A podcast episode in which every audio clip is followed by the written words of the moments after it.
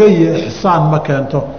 Afartaa shardi marka la helo qofkuna kadib uu zinaysto baa xaddu zinaa ku waajibaysaa waalcabdu waalamatu addoonkii ragga ahaa ee laboodka ahaa iyo addoontii dhadiga ahaydi xadduhumaa xaddoodu nisfu xaddi lxuri nin xor ah xaddii lagu dhufan lahaa nuskeed weeye oo qofka xorta ah jaldu miatin iyaga konton dheh wa taqriibu caaminna lix biloodoo masaafurisa dheh ilaahi subxana wa tacaala waa kii haweenka oo addoommadu ka hadlaye fain atayna bifaaxishatin facalayhina nisfu maa cala almuxsanaati min alcadaab. Dadka xorta ah wixii waajibka kuwa ee ciqaabka ahaa nuskiiba iyaga lagu leeyahay. Sanadna laba u qaybi boqolka jeedal iyo shaabugna laba u qaybi. Intaasaa laga doonayaa iyagana in lagu dhufto liwaai wa ityaani lbahaa'imi ka xukmi zina mualifku wuxuu wa xukmu liwaai in dabada looga laysaga tago xukunkeedu iyo wa ityaani lbahaa'imi xoolo in wax laga daydo loo tago xukunkeedu ka xukmi zinaa zinaday la mid tahay buu yihi mualifku raximahu llahu tacaala halkan laba masalou kaga hadlay xukmu liwaai sida jamhuurta culimmadu ay qabaan weeye in liwaadka ka xukmi zinaa laga dhigo ixsaan haddii uu jirayna rajmi iyo dhagaxuu noqdo. Haddii uunan jirinna boqol shaabuug iyo sanad dhoofisiyo dhoofin iyo masaafuriin ama xabsi loogu bedela uu noqdo. Wejka ay u ilxaaqiyeen ay zinadii liwaadka isku xukum uga dhigeen saddex arrimood bay ku soo ururiyeen fuqahada qaarkoodii marka koowaad waxay yidhaahdeen qur'aankan ka fahanay inay isku xukum yihiin zinada iyo liwaadku. Qur'aanka ilahi subxaana wa tacaala zinada wuxuu ku tilmaamay faaxisha. Oo addoommadii markii laga hadlaya aayadda hadda aynu soo marnay waxaa la yidhi fain atayna bifaaxishatin zina hadday la yimaadaan facalayhina nisfu maa cala almuxsanaati min alcadaab. Marka ilahi wuxuu yihi walaa taqrabu الzinaa inahu kaana faaxishatan markii laga hadlayay liwaadkana faaxishaa lagu magacaabay oo wuxuu yihi luud qowmkiisi markuu la hadlayay ata'tuuna alfaaxishata maa sabaqakum ama wa antum tubsiruun haddaba labadaba maadaama nusuusta qur'aanku faaxisho ay ku magacowday inay xukunkaa wadaagaan sidaasaan u garannay. Waxay dhahan waxaa noo labeeya xadiid abi muusa alashcari laga wariyey radia allaahu canhu wa ardaahu oo uu leeyahay nabigaa yihi idaa ata rajulu rajula fahumaa zaaniyaani nin nin hadduu u tago oo wax ka daydo waa laba zaani weeye xadiidkaana bayhaqi baa soo saaray. Midda saddexaad waxay yidhaahdeen dabadu farjun maqsuudun lidaatihi bay yidhaahdeen. Maqsuudun bilistimtaaci.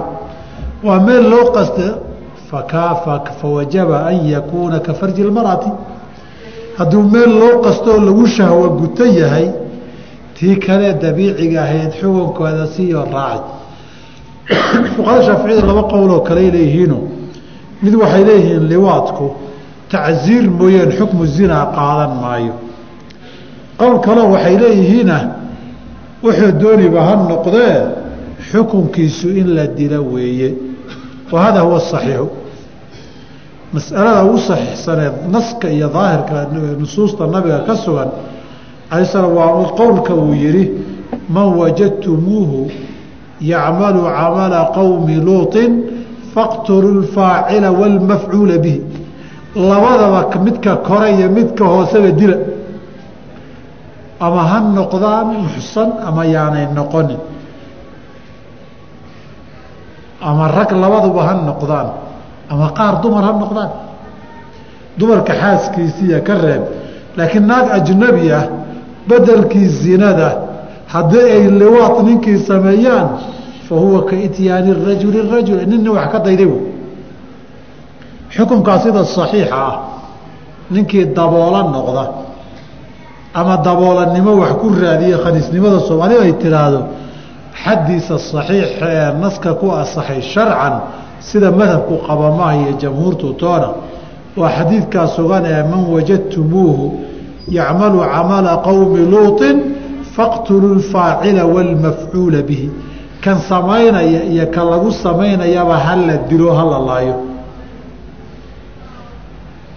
waxaa lamid ah ityaanu lbahaa'im ka xukmi الzina qowl shaaficiyadu waxay leeyihiin ay leeyihiin maya waa tacziir keliya qowl kaloo waa la dilayaa ay yidhaahdeenna waa leeyihiin wahuwa صaxiixu laakiin bahaa-imta iyagu waxay u raaciyeen dilkiisu waa baabu tacziir waxay u raaciyeen liwaadka kama liita bay yidhaahdeen laakiin jamhuurta fuqahadu waxay u badan yihiin tacziir keliya ka waajibi.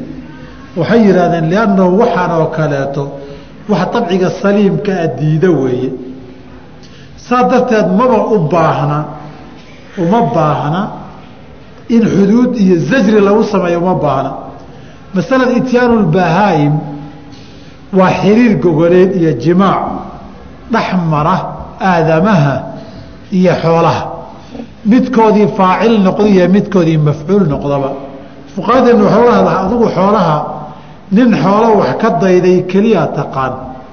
Laakiin fuqahadii xilligii quruun raabica waxay ka hadleen ilan caalamkan sidan u fasakhan oo kaleeta muslimiin aan ahayn baa daris lala ahaa erayada aan la yaabay waxaa ka mid ahaa fuqahaa lqarni raabic inay yihaahdaan falow makanat imra'atu nafsahaa min xayawaanin fajaamaca hadday xayawaan naagi isu dhiibto oo uu u tago faka ityaani rajuli اbahiimata xukunkaasay qaadanaysaa hadda waayaha dambe idinku hal xayawaan baad maqashaano meelaha galbeedyada markii la aado qolyo ay haysataa jirto reera uu ay oday ka yahoo nin ka yahaa jiraan maqasheen idinku dabcan ficlan wax badan baa ka jira oo isagoo xataa lagu xayaysiinayo inuu shaqooyin badan qabto inuu khaadim noqdo inuu wehel noqdo inuu ilmo baari oo amar qaata noqdo inuu oday sariireed noqdo isagoo lagu xayaysiinaya xataa ma aragna haddana sida naska waxay u daliishadeen culimmada tiri tacziir weeye ahar ibnu cabaas laga wariye min ra'yihi ahoo xasana oo uu leeyahy laysa cala aladii yaati lbahiimata xaddun nin xof xoolaha u tegay xad lagama rabo. Waxay ku qiyaaseen in hadalkaa uunan iska dhihine wax og yahay. Walaysa kadaalika saas ma aha. Sida saxda ah ninka laftiisa iyo neefka xoolahaba in la khaarijiyo wey. Walidaalika ibnu cabaas baa waxaa ka sugan inuu yihi nabigaan ka maqlay sala allahu calayhi wasalam isagoo leh man waqaca calaa bahiimatin faqtuluuhu waqtuluuha. Neef xoolaha ninkii u tagee lagu qabtaay isaga iyo iyadaba israaciya. Maxaa zinadii bini aadamka loogu dili waayey? Tan xoolahana loogu dili? Way ka akhlaaq xuntahay tani waxaa weeye shahwo abiici ah ka tanbadisaye ninka xooluhu ka baxsan waayeen dad bariir maayo wey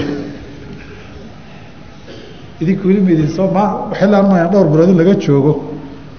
Baa waxaan galay xaajad iyo garta nin lagu soo eedeeyey inuu sac kufsade marka wax wax abiici oo dhici kara weya hala yaabina halma lix bilood meelahaas baa laga joogaa xilligaan xaajada anigu galay halkan nairobina ku galay.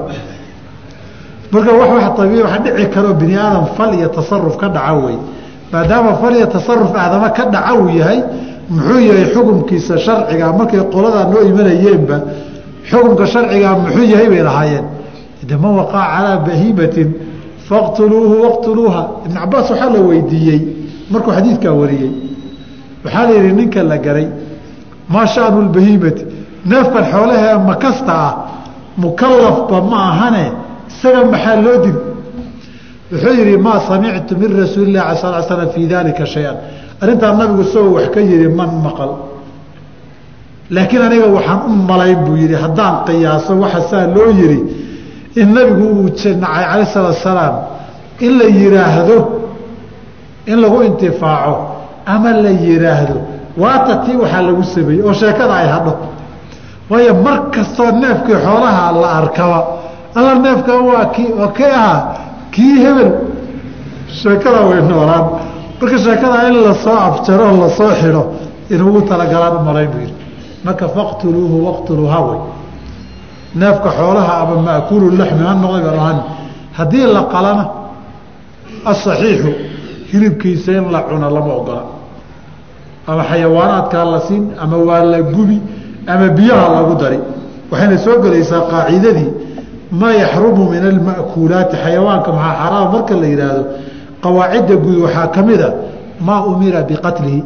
Wax kastoo sharcigu hala dilo uu yidhi hilibkiisu waa hadlo xoolo iyo maal muntafaca maaha. Iyo maa naha sharcu can qatlihi ilan afar nooc weeyo.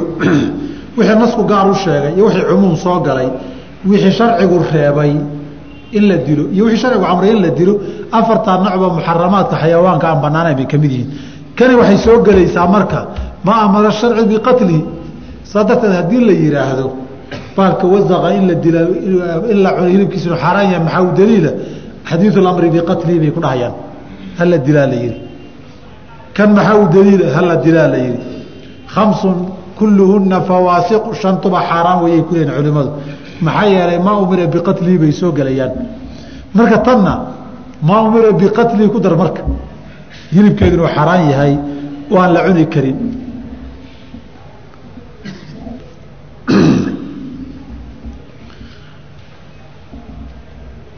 Waman waia ninkii u taga haweenaan xaaskiisa ahayn fii maa duuna alfarji farjigiiyo galmadii wax ka sokeeya buu sameeyey cuzira waa la tacziiri.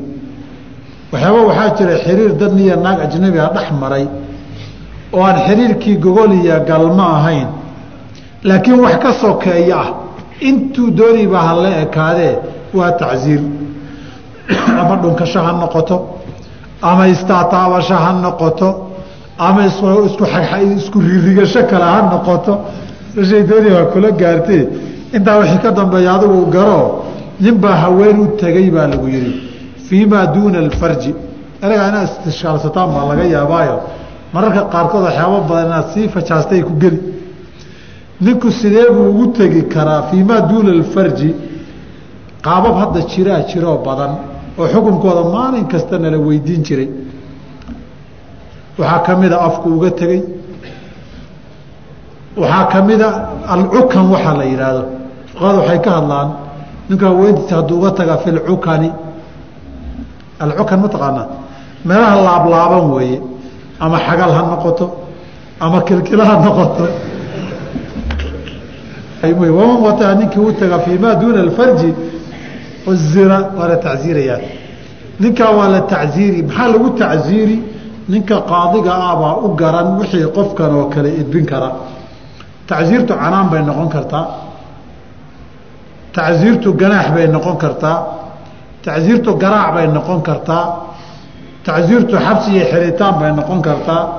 Waxay yidhaahdeen ninka in la garaacaay nin bay u sahlan tahay garaaco iyo ganaaxo laakiin ay ugu daran tahay dad intii la yeero bal ninkan daya in la yidhaahdo. Ninkay saa u daran tahay dadkaa loogu yeeri. Waxa isaga dhiba ee uu mar dambe inuusan u noqonin geynayees aada isu ilaalin baa lagu samayn. Fagaara loogu yeeri war ninkan gacanta kufarta ku wada fiiq haddii la yidhaahdo nin intaa dan kama laho isaga ganaaxa u daran ganaax dhaqaala dusha laga saari. Ninba meesha u yar daran baa xariga lagaga yar dhoojo weeye tacsiirtu. Walaa yabluqu bitacsiiri ma gaarsiiyo. Adna alxuduudi xuduudda inta ugu yar ma gaarsiin karo. Xadna xaddu shaarib alkhamri baa ugu yaroo arbacuuna jaldatan afartan jeedal ah arrinkaa waxay u daliishadeen xadiid daciif oo nucmaan ibnu bashiir laga warinayo uu leeyahay qofkii xad gaarsiiya fii gayri xaddin waxaan ahayn fa huwa min almuctadiina. Xadiidkaasina ma sugna oo ma asixin. Oo xadiid sugan oo asaxay ama haabit ah ma aha. Mar haddii uu daciif yahay laakiin booskiisa waxaa kaga filan. Nabig ala slam inuu yidhi sida bukhaari iyo muslimba ay wariyeen laa yudrabu laa yujladu fowqa cashrati aswaaطin ilaa fii xaddin min xuduud illaah toban jeedal ka badan laguma dhufan karo waxaan xad ilaahay ahayn. Laakiin baabulkhamri waxaan ugu tegi doonaa saxaabadii xilligii cumar iyo dadkii la joogay siddeetan bay ka dhigeen walaa munkira fa kaana ijmaacan. Culimmadu waxay ku jamciyeen labadaa xaaladood xaddu waa laba tacsiirtu. Hadday tacsiirtu taabic lixaddin tahay qof xad laga fuliyey tacsiir loo raacinayo ilaa afartan baa la gaarsiin karaa bay yidhahdeen ka xaddi alkhamri. Haddii ay qofku uusan xadba lahayn laakiin tacsiir mujarada ay tahayna toban ulood ka badan laguma dhufan kara sida xadiidka abi burda ee saxeynku wariyeene laa yujadu fowqa casharati aswaatin ilaa fii xaddin min xuduud illaahi ah sidaasa igula dhow in lagu fasiro oo lagu jamciyo. Walaa yabluqu bitacsiiri lama gaaro adna alxuduudi. Xuduudda inta ugu yar inuu la gaarsiiyo gaara lama ogola halkaasaan isaga daynaynaa sacaawa wallahu aclam subxaanaka allah bixamdika ashhadu an laa ilaha illa anta astaqfiruka waatuubu ilayk رب العالمين الرحيم الحمد لله رب العالمين وصلى الله وسلم على رسوله الأمين وعلى آله وأصحابه أجمعين waman tabicahum biixsaani ilaa yowmi iddiin amaa bacd. Waxaa soo gaarnay fasalka uu xadulqadafka ka hadlayo oo mualifku yihi faslun waidaa qadafa gayrahu bizinaa facalayhi xaddu lqadfi bihamaaniyati sharaa'id. Waidaa qadafa haddii uu ka caya ku tuuro ku caayo hayrahu qof aan isaga ahayn bizinaa qof isaga aan ahayn buu zina ku sheegoo qofkaasi waa gogol dhaafay oo waa zinaystay buu ku yidhi facalayhi waxaa ku waajiba xaddu lqadfi xaddu lqadaf baa waajib ku ah. Waase bihamaaniyati sharaa'ita sideed shardi haddii la helo. Qofku qof marka uu zina ku sheego oo waad zinaysatay uu yidhaahdo ereyada uu isticmaalay waxay u qaybiyaan saddex qaybood. Waxay yidhahdaan sariix iyo kinaaya iyo tacriid. Sariixu waa ereygan cayzina maahane wax kaloo lagu fasiro lahayn. Sida hadduu yidhahdo yaa zaani ama yaa zaaniya uu qof dumara ku yidhaahdo. Zaani baa tahay ama zaaniyad baa tahay uu ku yidhaahdo. Ereygaasi baabu xaddi lqadfi buu qaataayo waa erey sariixa. Ereyga hadduu si dadban u yidhaahdo laga fahmi karo laakiin si kalena loo fasiri karo. Ereygaasina waxaa la yidhaahdaa kinaaya bay yidhaahdaan. Sida nin nin caayaya ama xanaaqay isku dhaceen baa isagoo cay iyo wax lamida ka hadlaya. Baa wuxuu ku yihi yaa faajiru yaa khabiisu iyo waxyaabaha la mid ah qeybna waxay yidhahdaan waa tacriid iyo sarbeebo sarbeeb sideedaba laysuma qabto tacsiir maahane xad go-an ma yeelato. Sida tusaale ahaan waxay yidhaahdaan nin baa nin la hadlayayo. Waxa uu ku yidhi anugu xalaal baan ku dhashay. Nin bay nin isku xanaaqeen anugu xalaal baan ku dhashay buu yidhi. Aniga xalaal baan ku dhashay hadalkaa waxaa laga dareemi karaa adigu sama tihid. Anugu weligay xumo iyo gogol dhaaf ma samaynin qofku ereygiisa marka la ega isagaa iska hadlay hadduu xaalad caadi ah ku soo bixi lahaana wax xumaa ma xambaarsanaadeen hadduu qofku caadi isaga sheekaysanayaan ama uu caadi isaga waramayo de qofna xumaatiyo hadal ku godan ma noqdeen. Laakiin markii uu xanaaqu la xiriirsaday waxaa la dareemi karaa inuu hadalka meel ula dan leeyahay. Ama ereyga waxay dhahaan tacriidka waxaa ka mid a hadduu yidhaahdo dadka qaar baan habeenkii fadhiisanin. Dadun baa habeenkii luuqyada wareego meelo xunxun lagu sheegay. Hadalkaa waa sarbeeb. Sarbeebtuna tacsiir mooyeen xad ma laha sidiisaba. Walow uusan asiixinoo iska maal carbeed yahay qaarana ay xadiid ka dhigeen. Waxaa jiri jirta in la yidhahdo wa fi lmacaariidi manduuxatu min alkadibi. Been cad intaad sheegi lahayd ama hadal xun oo qallaacan oo qallafsan oo aada sheegi lahayd sarbeeb iyo hadalkoo la aga maro bay akhyaari weligeed soomaali haddaynu nahay lafteennu akhyaari weligeed hadal sarbeeba oo si u dadban bay wax isugu sheegi jirtay markay xaajadu wax la isu qabsado tahay. Intaan xasuusta sugaanta iyo dhaqanka soomaalida wax waxaa jiri jiray gogol iyo xaaluu ninka qabto hadduu si cad u qeexo. Laakiin marku uu sarbeebta maro ujeeddadiisana la fahmo isna aan waxba loo qaban. Sidii ninkii reer gabadh qurux badan buu ka soo guursaday geel badanna uu ka bixiyey. Laakiin gabadhiibaa qof aada u fududoon macno lahayn ku noqotay. Maalinkii dambe habeenkii dambe baa seedigii oo waxdoonaa ku soo galbaday tii horena waa ka shallaysanya isagu. Xoolii hore u bixiyey. Buu weli farta qaniinsan yahay kuwo kalena caawa waa loo fadhiyaa. Goortii la casheynayey buu dhowr eray u tiriyeyo. Wuxuu yidhi baal goraya waa lagu ogaa inuu bidhaamaaye manaa gabadhiina qurux baad ku ogeyd wey berbera maalintuu tegay waxaa bi'iyey miisaane. Bir kolay ku tahay shayga fudud. Beese lagu waaye. Boos waxaan jeclaadaba markaan baayacaan nacaye wada ba'an bani aadamkii midkaad waaye barataay buuri wiilkiina goortii la casheeye la seexday buu habeennimo iska guuray. Tadaa walaashaa bidacdaad ka ogeyd fudayd baa wax walba dhaafiye oo qiimo ma leh. Qofkaad barataba saad u moodeysa wax fiican buu waxaan jirin kugu noqdaa. Ninka hadduu dhihi lahaa gabadhaan idinka soo guursee naag xun oon maclo lahayn bay noqotay. Xaal iyo gogol baa qaban lahayd. Laakiin ereyga waa sarbeebayo sheekada baal gorayuu ka dhigay. Marka ninkani baal gorayuu ereygiisu ka hadlayaa. Murtida dulucdeeduna meel bay u socotaa. Marka sarbeebtu la xukun maaha tacriidka la yidhaahda sidiisaba la xukun maaha cayda tooska ah iyo maagitaanka badheerka ee qayaxan la mid maaha. Nabiguna calayhi salaatu wasalaam mararka qaarkood ereyga sarbeebta dadka qaar waa ku dhihi jiray. Markay soo degtay qowluhu tacaala wakuluu washrabuu xataa yatabayana lakum alkhayط اlabyadu min alkhayط اlaswadi min alfajri salaada subax habeenkii iska cuna raashinka ilaa uu xariga cadiya ka madow kala caddaadaan iftiinka maalintiia waxaa loo jeeday mugdiga habeenkii nin baa laba xarig mooday oo laba xarigoo madow iyo cadi intuu qaatay uu barkinta hoos gashaday raashinkuu iska cunaa uu soo bixiyaa ilaa uu kala garto maalinkii dambuu nabigu u yeehay calayh salaatu nabigu u sheegay markaasuu wuxuu ku yidhi innaka la cariidu lqafa nin qadaad weyn baa tahay. Inaad u qadaad iyo margiye waaweyn qoortiisu weyn tahay baa tahay. Waxoogay doqonnimo baa hadalka loo dadbeeyey waxaa kaloon soo maray baabu nikaax markaan soo maraynay. Haweenta ciddada ku jirta sarbeebta ee doon rabitaankaa waa la ogol yahay.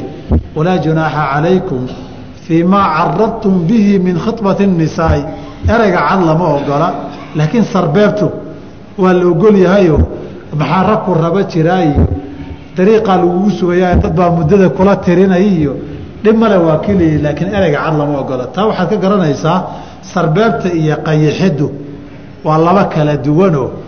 Nin waliba sida uu u yiraahdaa hadalka lolama marka tacriidku hadday sarbeeb cay tahay in tacsiir lala aada maahane.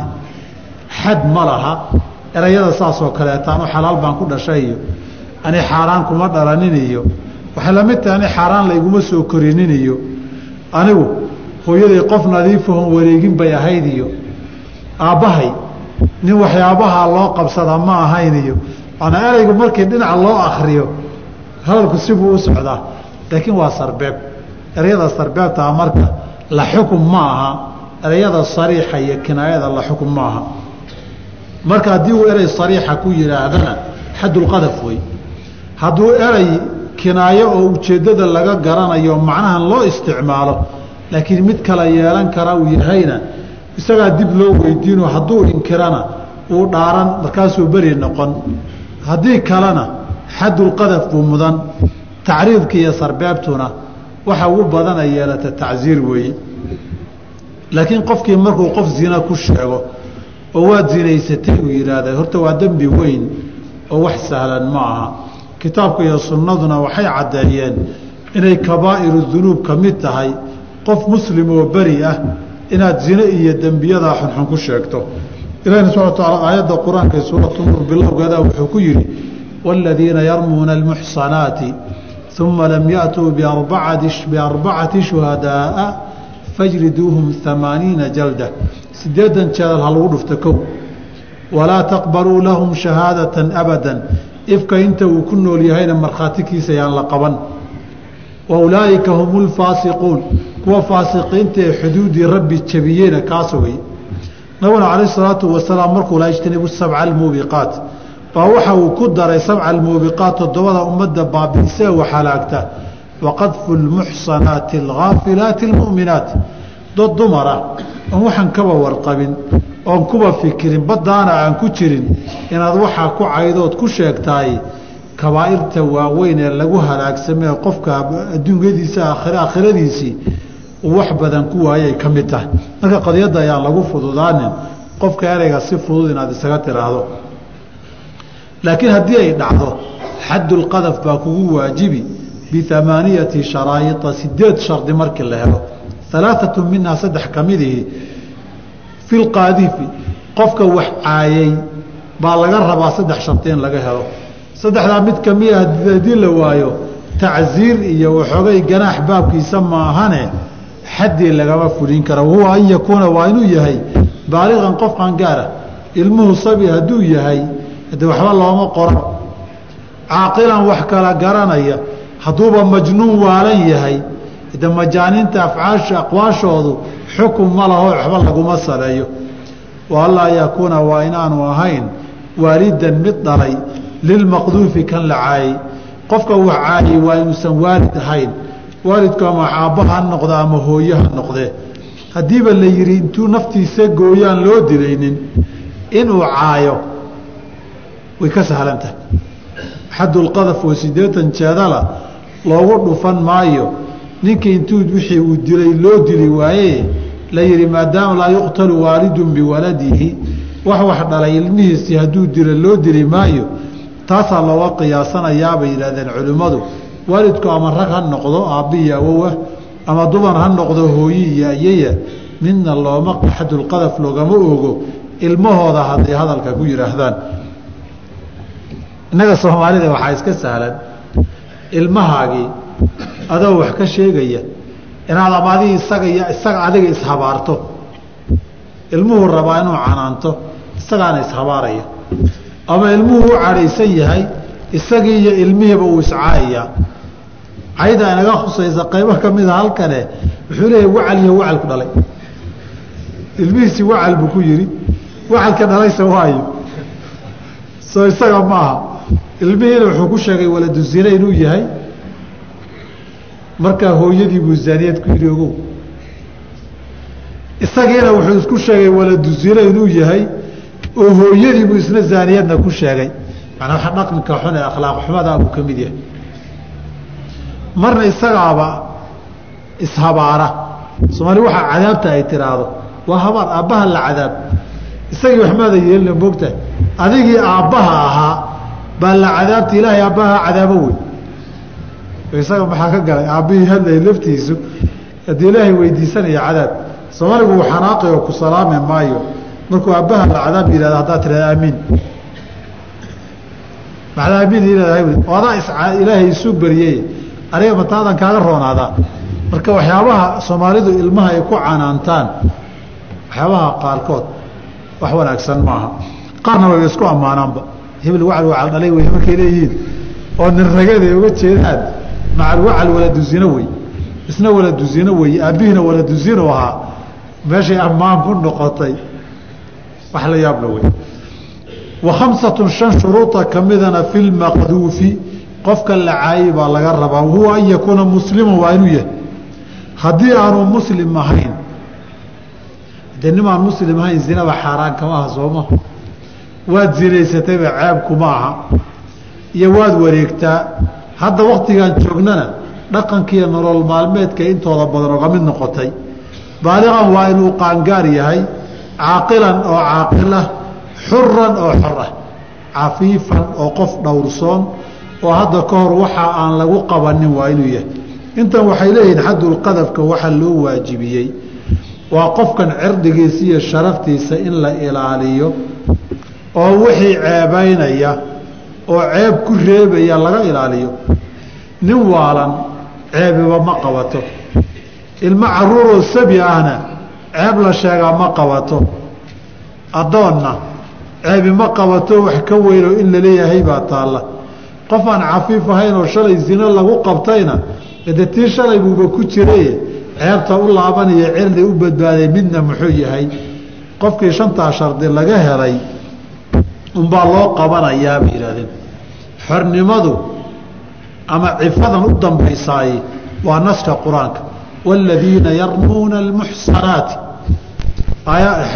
Xadiidkuna almuxsanaati alghaafilaati islaamnimaduna waa naso almu'minaati. Iimaankana naska xadiidkaa ku daray. Haddaba islaamnimada cafiifnimada qaar baa waxay yidhaahdeen way soo gelaysaa ixsaankay soo gelaysaayo lafdul ixsaan isticmaalka qur'aanka. Bimacna alcifana waa loo isticmaalaa qof dhowrsan. Bimacna alxuriyana waa loo isticmaalaayo. Waman lam yastatic minkum tawla an yankixa almuxsanaati almu'minaati ninkaan muxsanaadka heli karin fa malakat aymaanukum halkaa xaraa'irta iyo dadka haweenka xorta in loo jeedaa la gartay mulaqa labadiisa macno waa loo isticmaali karaa. Haddaan kale iskala fogaansho weydi ka dhaxaynin cifadii iyo xoriyadii in badan baa talaasum ka dhaxeeya.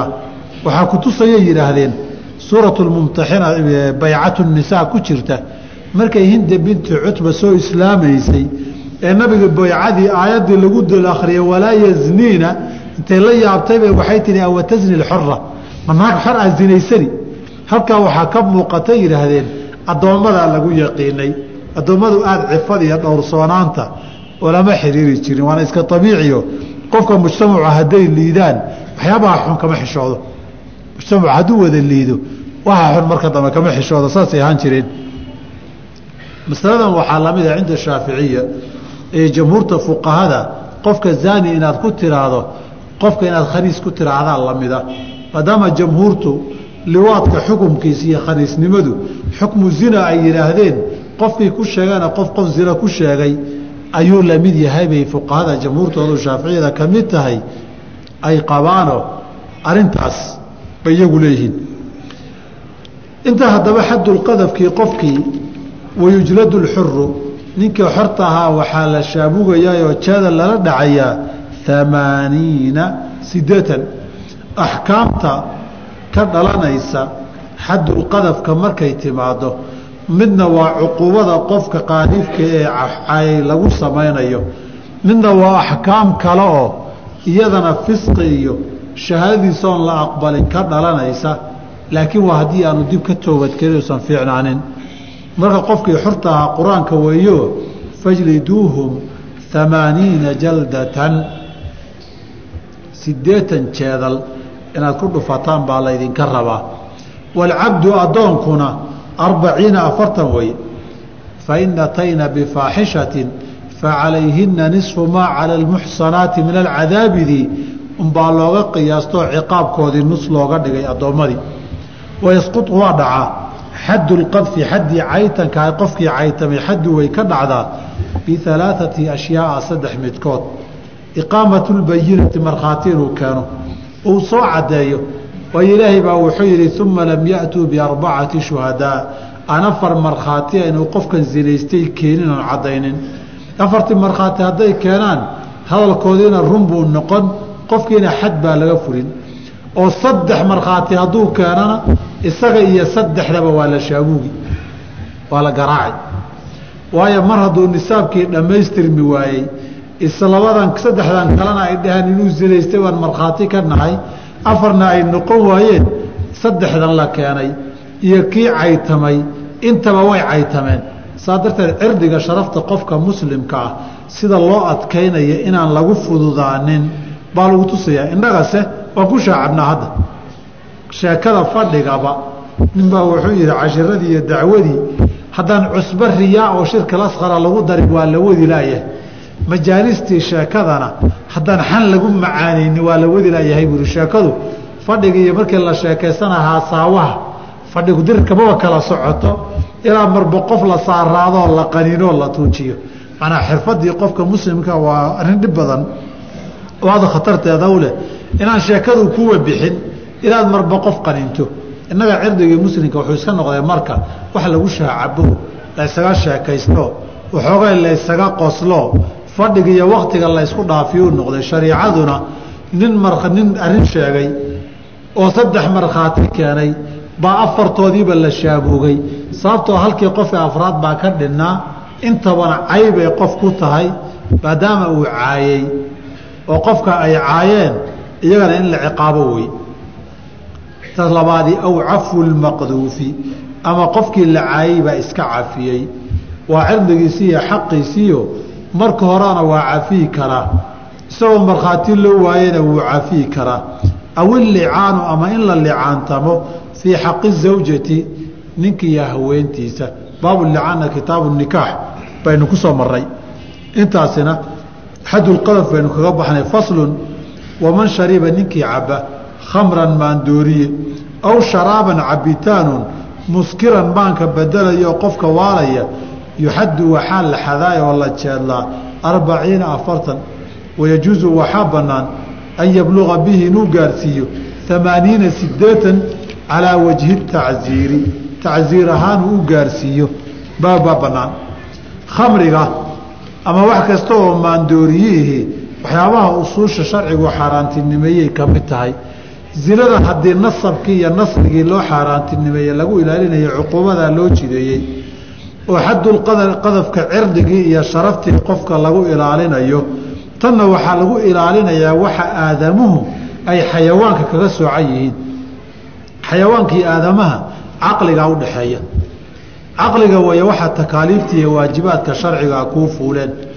Waxa addoommadiisa iyo khalqigiisa ilaahay kugu sakhiree kugu karaameeye asaaskaana caqliga iyo garashada weeye walaqad karamnaa banii aadama la yidhi intaasoo addoommadiisii oo dhir laho xayawaan luu kuu hogaamiyey rabbi subxaana wa tacaala saas darteed insaanku takaaliifta sharciga saaran qiimaynta la qiimeeyey muhimmada cibaadada iyo takliiftae lagu aaminay caqliga baa asaas u ah. Walidaalika intuu sabiga yahayna axkaam takliifa ma saara.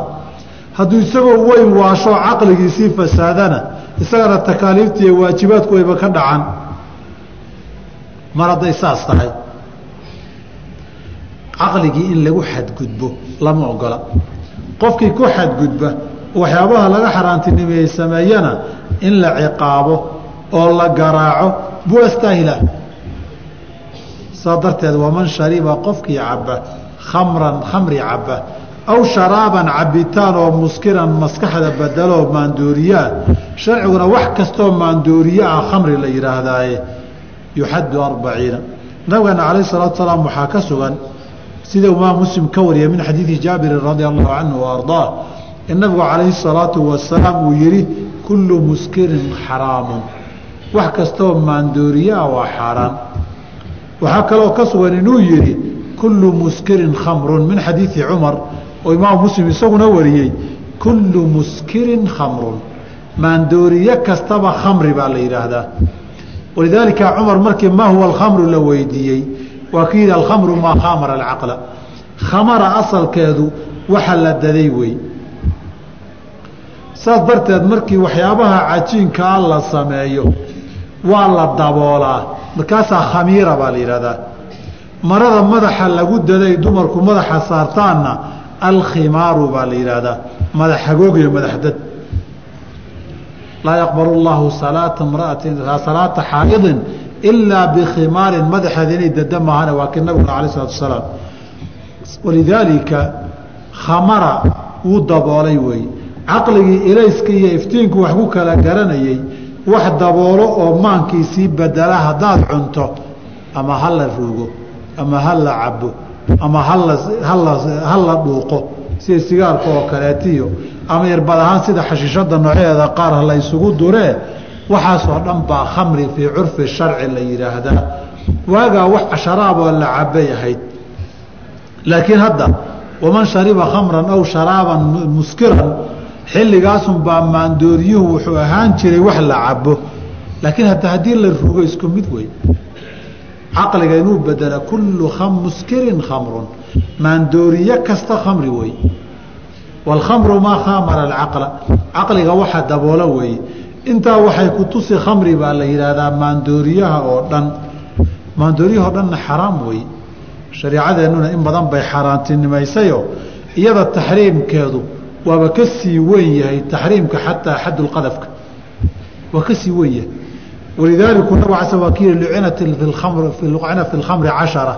Toban qof baa khamro darteed iyo maandooriya dartii lacnadii ugu soo degtay. Ka sameeyey ka loo sameeyey ka iibsaday ka loo iibiyey ama gatay gaadiidka qaaday ninka ku qaaday ka loo qaaday meesha la dhigay inta wada malcunin wey. Lacnad baa ku soo wada degaysa. Waxaa lacnada sita caqligiina baabi'inaya aadamuhu maanta qayray afka ku wada dhufteen maandooriyaha lala dagaalamoy iyagii baa qaybinaya oo qawaaniintoodii banaynaysaa haddana halala dagaalamay leeyihiin adugu labadaa isuge marka haddaba qofkii arrintaa lagu helo cuquubadiisu waa laba qaybood. Cuquubo ukhrawi ah oo diintiisa iyo caqiimaankiisa iyo aakhiradiisa taabanaysa. Oo nabigu calaih salaam uuba yiriba qofka hadduu noloshiisa nolol maalmeedkiisa maandooriye ka dhigto laa yadkhulu ljannata mudminu khamrin. Nin khamri iyo maandooriyaha caadaystay oo joogtaystay janno maba galaba. Ninkii maandooriye cunaa nabig ala slam wuxuu yihi ninkii maandooriye cunaayey lam tuqbal lahu salaatu arbaciina yowman afartan maalmood salaadiisa ilaahay ma aqbalo. Adoo tukanayaa dogow adoo haddaba qaadka intaad soo tufto salaad baa tukane. Marka waa loo cabsadaa ninkii isagoo muqayala dhinta. Mudminu lkhamri jannada ma gala inuu noqdo baa aada loogu baqaa. Salaad nin nin daroobaysan oo soo qayilay uu tukadayna waajib hadduu ka dhaca xaataa salaad ajir ilahi agtiisa loo la aqbala ma noqdo arbaciina yowman afartan maalmood. Maanta haddaad cunto afartan maalmoodoo soo socota laga aqbali maayo. Ilaa towba nasuuxaynu la yimaada maahane taasi waa cuquubadii diineeda iyo aakhiriya wixii sugaya wey. Adduunka sow ma aha ninka lagu soo qabtaay yuxaddu arbaciina afartan baa lagu dhufanayaa. Nabigayna ka sugan tahay calayhi salaatu wasalaam inuu yihi xilligiisii xadiidkii anas ibni maalik muslim iyo kayrkii wariyeen nin khamri cabay baa loo keenay markaasuu wuxuu afartan labaatan nin baa mid walba kabihii iyo ulihii la haystay baa laba laba loogu dhuftay afartameeyaa qiyaastii ku dhacday. Oo magaca haddaan waxaan khamri loo aqoonin oo magac kale loo yaqaanana layashrabanna naasu min ummati alkhamra yusamuunahaa bigayri ismiha magacyo kale u bixin doonaa buu nabigu hor yiri sal slam dad baa magacyo kale intay u bixiyaan. Bayba halkaa maandooriyaha bay cabbi doonaan. Biyihii kululaa iyo baashii madoobeyd noo keeniyo quutu noo keeniyo waxoogay midaan see kicin jireen dhaxankiciyadii noo keeniyo adi magacaa dooni ku magacow. Nabigana cabitaano badan baa la weydiin jiray xabana isticmaalo. Hal su'aal buu weydiin jiray. Wuxuu dhihi jiray muskirun hu.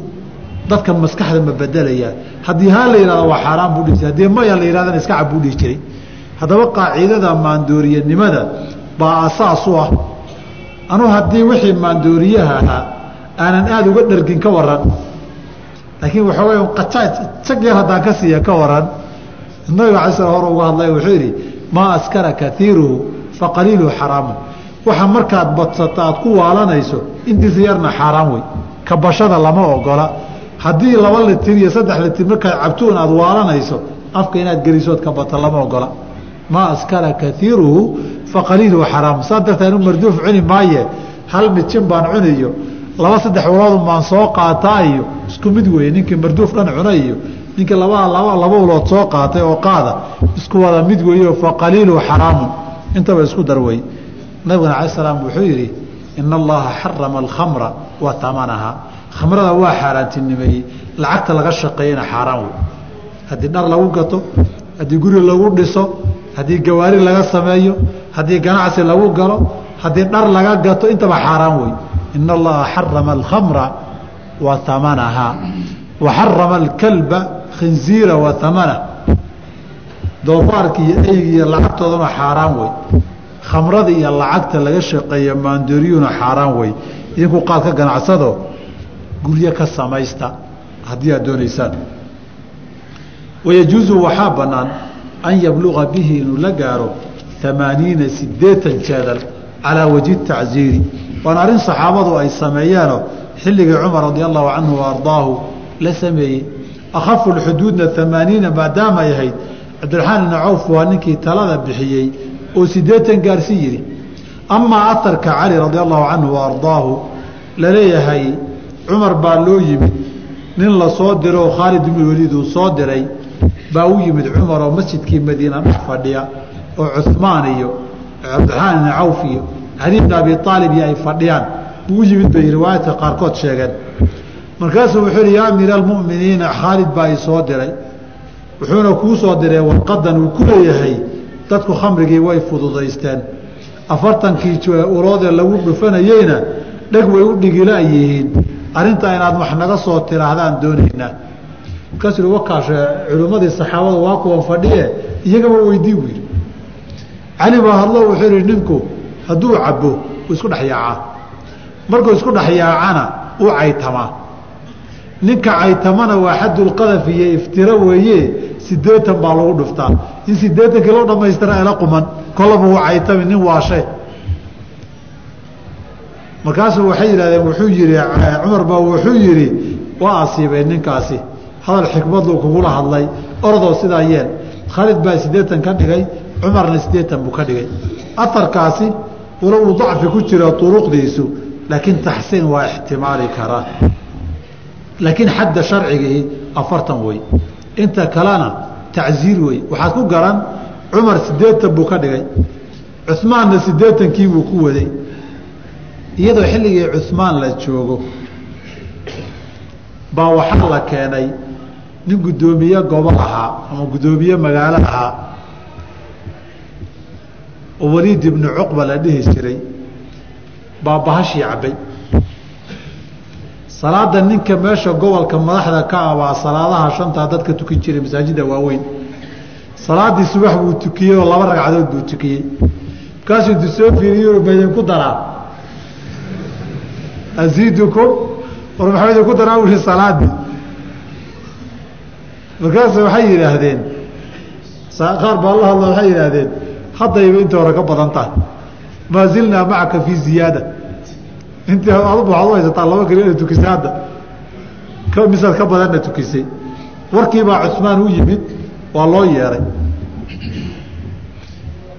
Dad buu weydiiyey cusmaan ka warran buu yihi ninkan ma ku aragteen idinku? Markaasuu nin baa wuxuu yihi taabiciintii ka mid aha cusmaan uu weydiiyey anuu isagoo cabayaan arkay buui nin kalena wuxuu isagoo cabaya ma arage isagoo bahashi mantagayaan arkay bui khamri mantagaya markaasuu inahu lam lam yataqayaaha xataa sharibaha. Isagoona cabin ma mantageene mantagan cabitaan baa ka horeeyey bui iskama gelin bahashu caloosha calooshana kuma dhex dhalanin.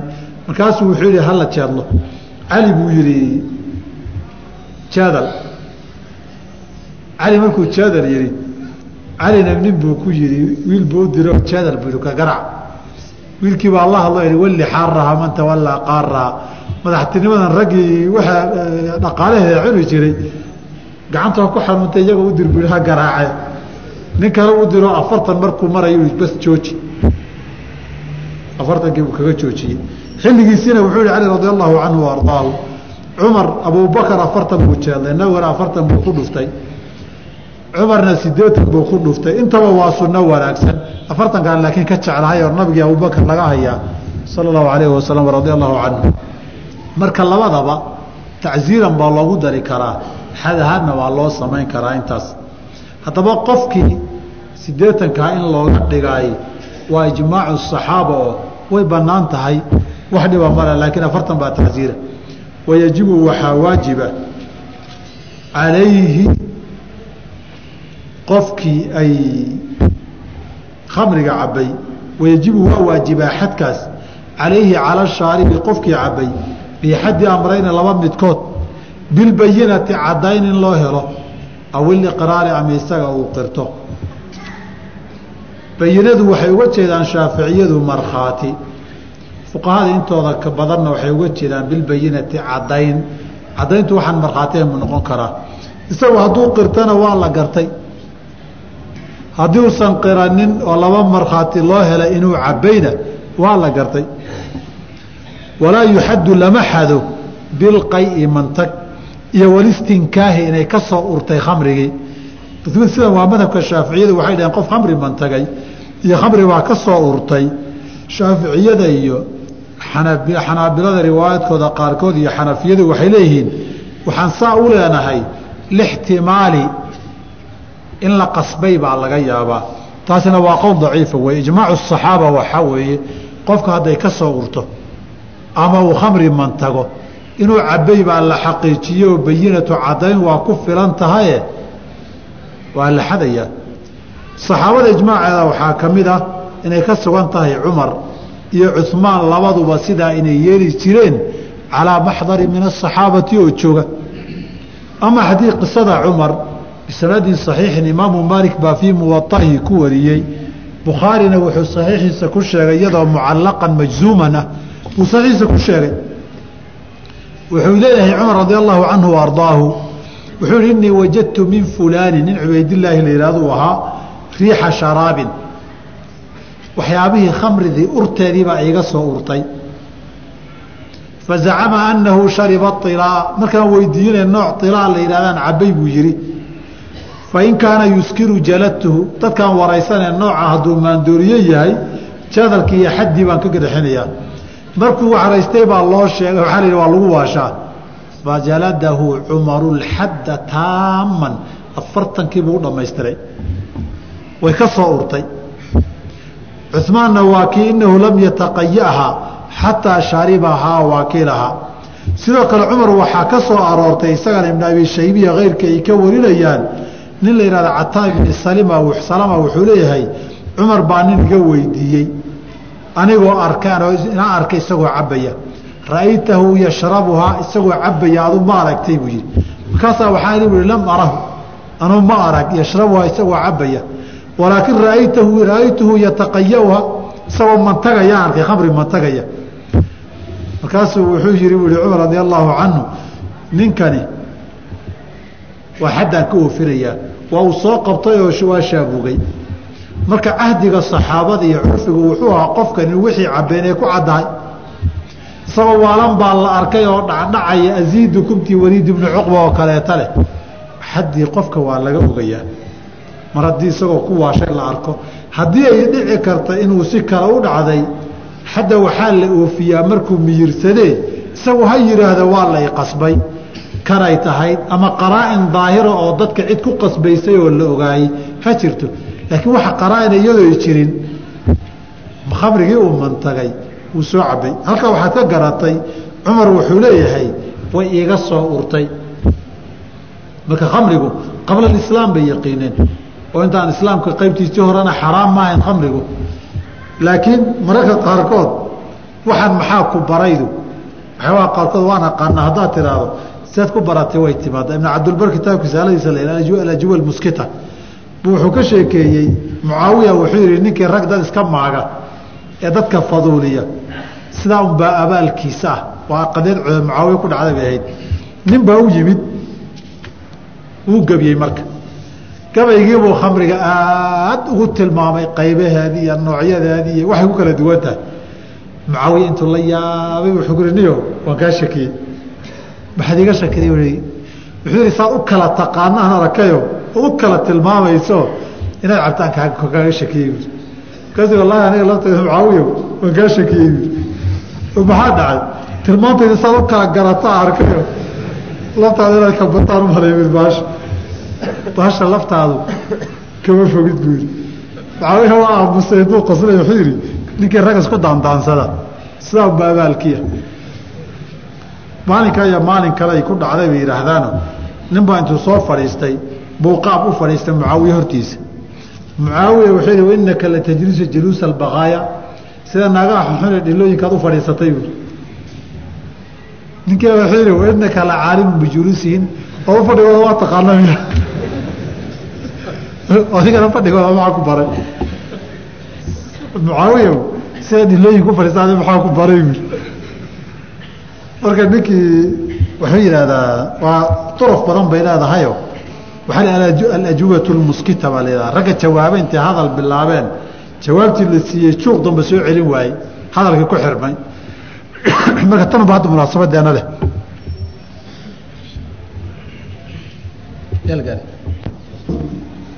Fasalkani waxa uu ku saabsan yahay fii xukmi saariqi ama fii qaطci yadi saariqi ninka saariqa gacantiisa in la gooyo.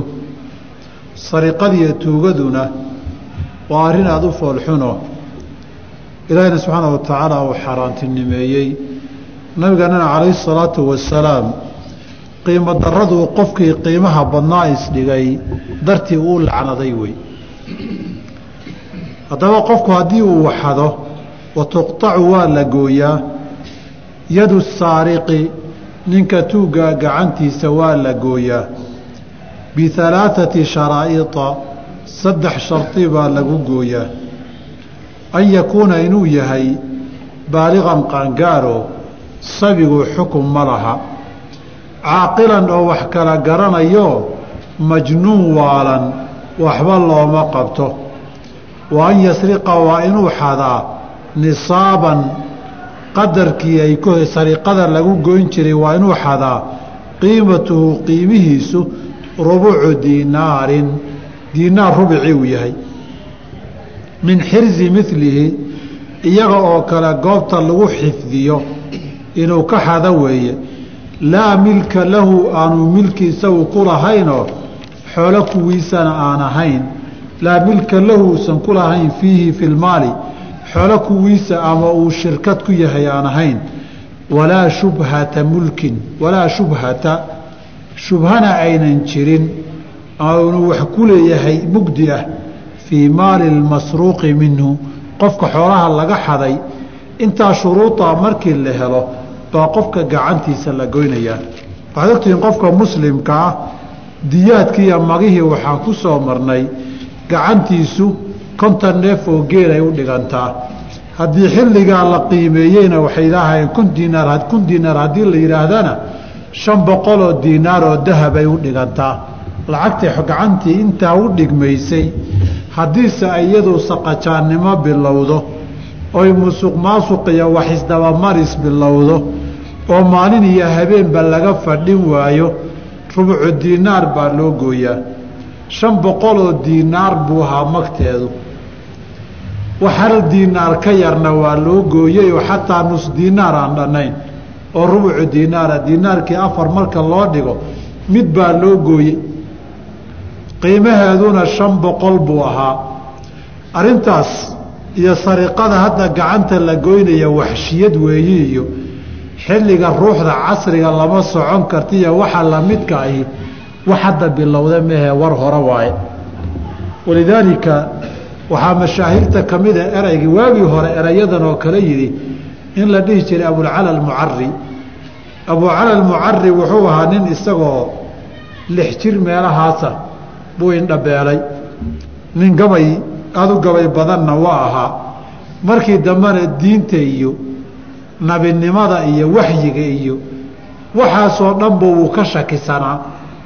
Islaamnimo iyo odaytinimo ku gaboobayna wuu sheegan jiray gabayo badan buu leeyahayoo uu diinta inuu ka shakisan yahay iyo rasaa'il kisaalaadka inuu ka shakisan yahay iyo waxaan diimahan la sheegayaba inay waxaan jirin yihiin. Gabaya uu ku tiriyey buu leeyahay. Dhowr tusaale haddaan ka soo qaado mar wuxuu ka hadlay nebi aadam.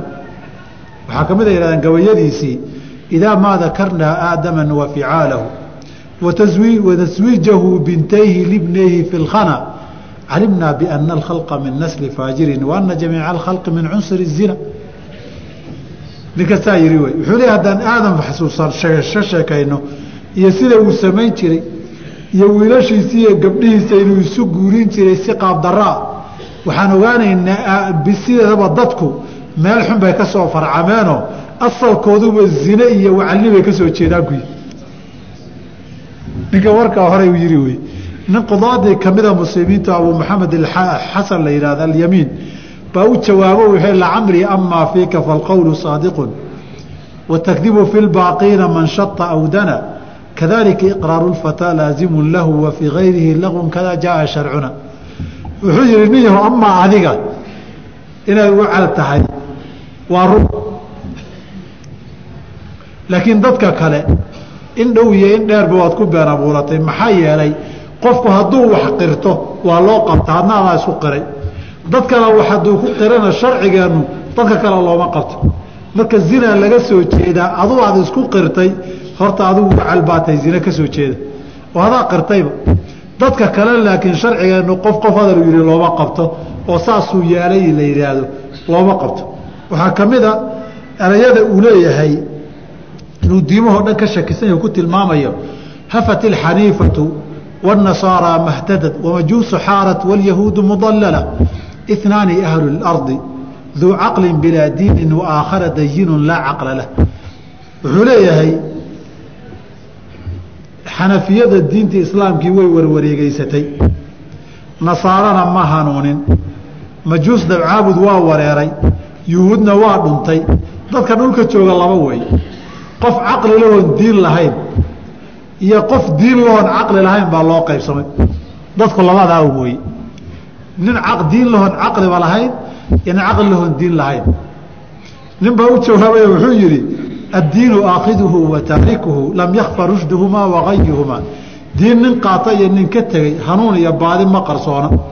Inaani ahlu lardi qulta. Waxaa tihi diin dhulka dadka jooga waa labo faqul yaa shaykha suuin anta ayuhumaa niyahu sheekh yaho xun aduu labadaa kee tahay horta iscadee u yiri marka qofka caqliga lahayn diinba haysan baa tahay. Mise nin diin loon caqliba lahayn baa tahay. Kaa tahay horta adigu niyahu xun ee liitaay ardaalka adigu noo mar waxaa ka mida waxyaabaha uu yihi waxaa ka mida. Diinu wa kufru waanbau tuqaalu wa furqaanu yanusu wa tawraatu wainjiilu fii kuli jiilin abaaiilu yudaanu biha. Fahal tafarada yowma bilhudaa jiilu wuxuu ku leeyahay diin iyo kufri iyo waxbaa la soo sheegay oo waxyaa waa warar la sheeg sheega buui kuwaas. Furqaanoo islaamka ah baa caddeeyey towraad baa kana injiil baa tana. Qarni kastoo joogtaba dadku baail iyo waxyaaba aan jirin oo sheeke baraley ah oy diin ka dhigtaan baa jiraa ma qole iyagu keligoodu hanuunsanaabaa dadka ku jira buui alimaamu dahabi baa u jawaabay oo wuxuu yidhi nacam abulqaasimi اlhudaa wa ummatuhu fazaadaka allaahu dullan yaa dujayjiilu dajaal yahow yar abulqaasim iyo ummadiisaa hanuunsan hanuunsan buu yidhi ilaahay dulli iyo waxaa tahay wax ka sii xun allah ku gaarhsiiyo waxaa kaloo yidhaahdaan wuxuu yidhi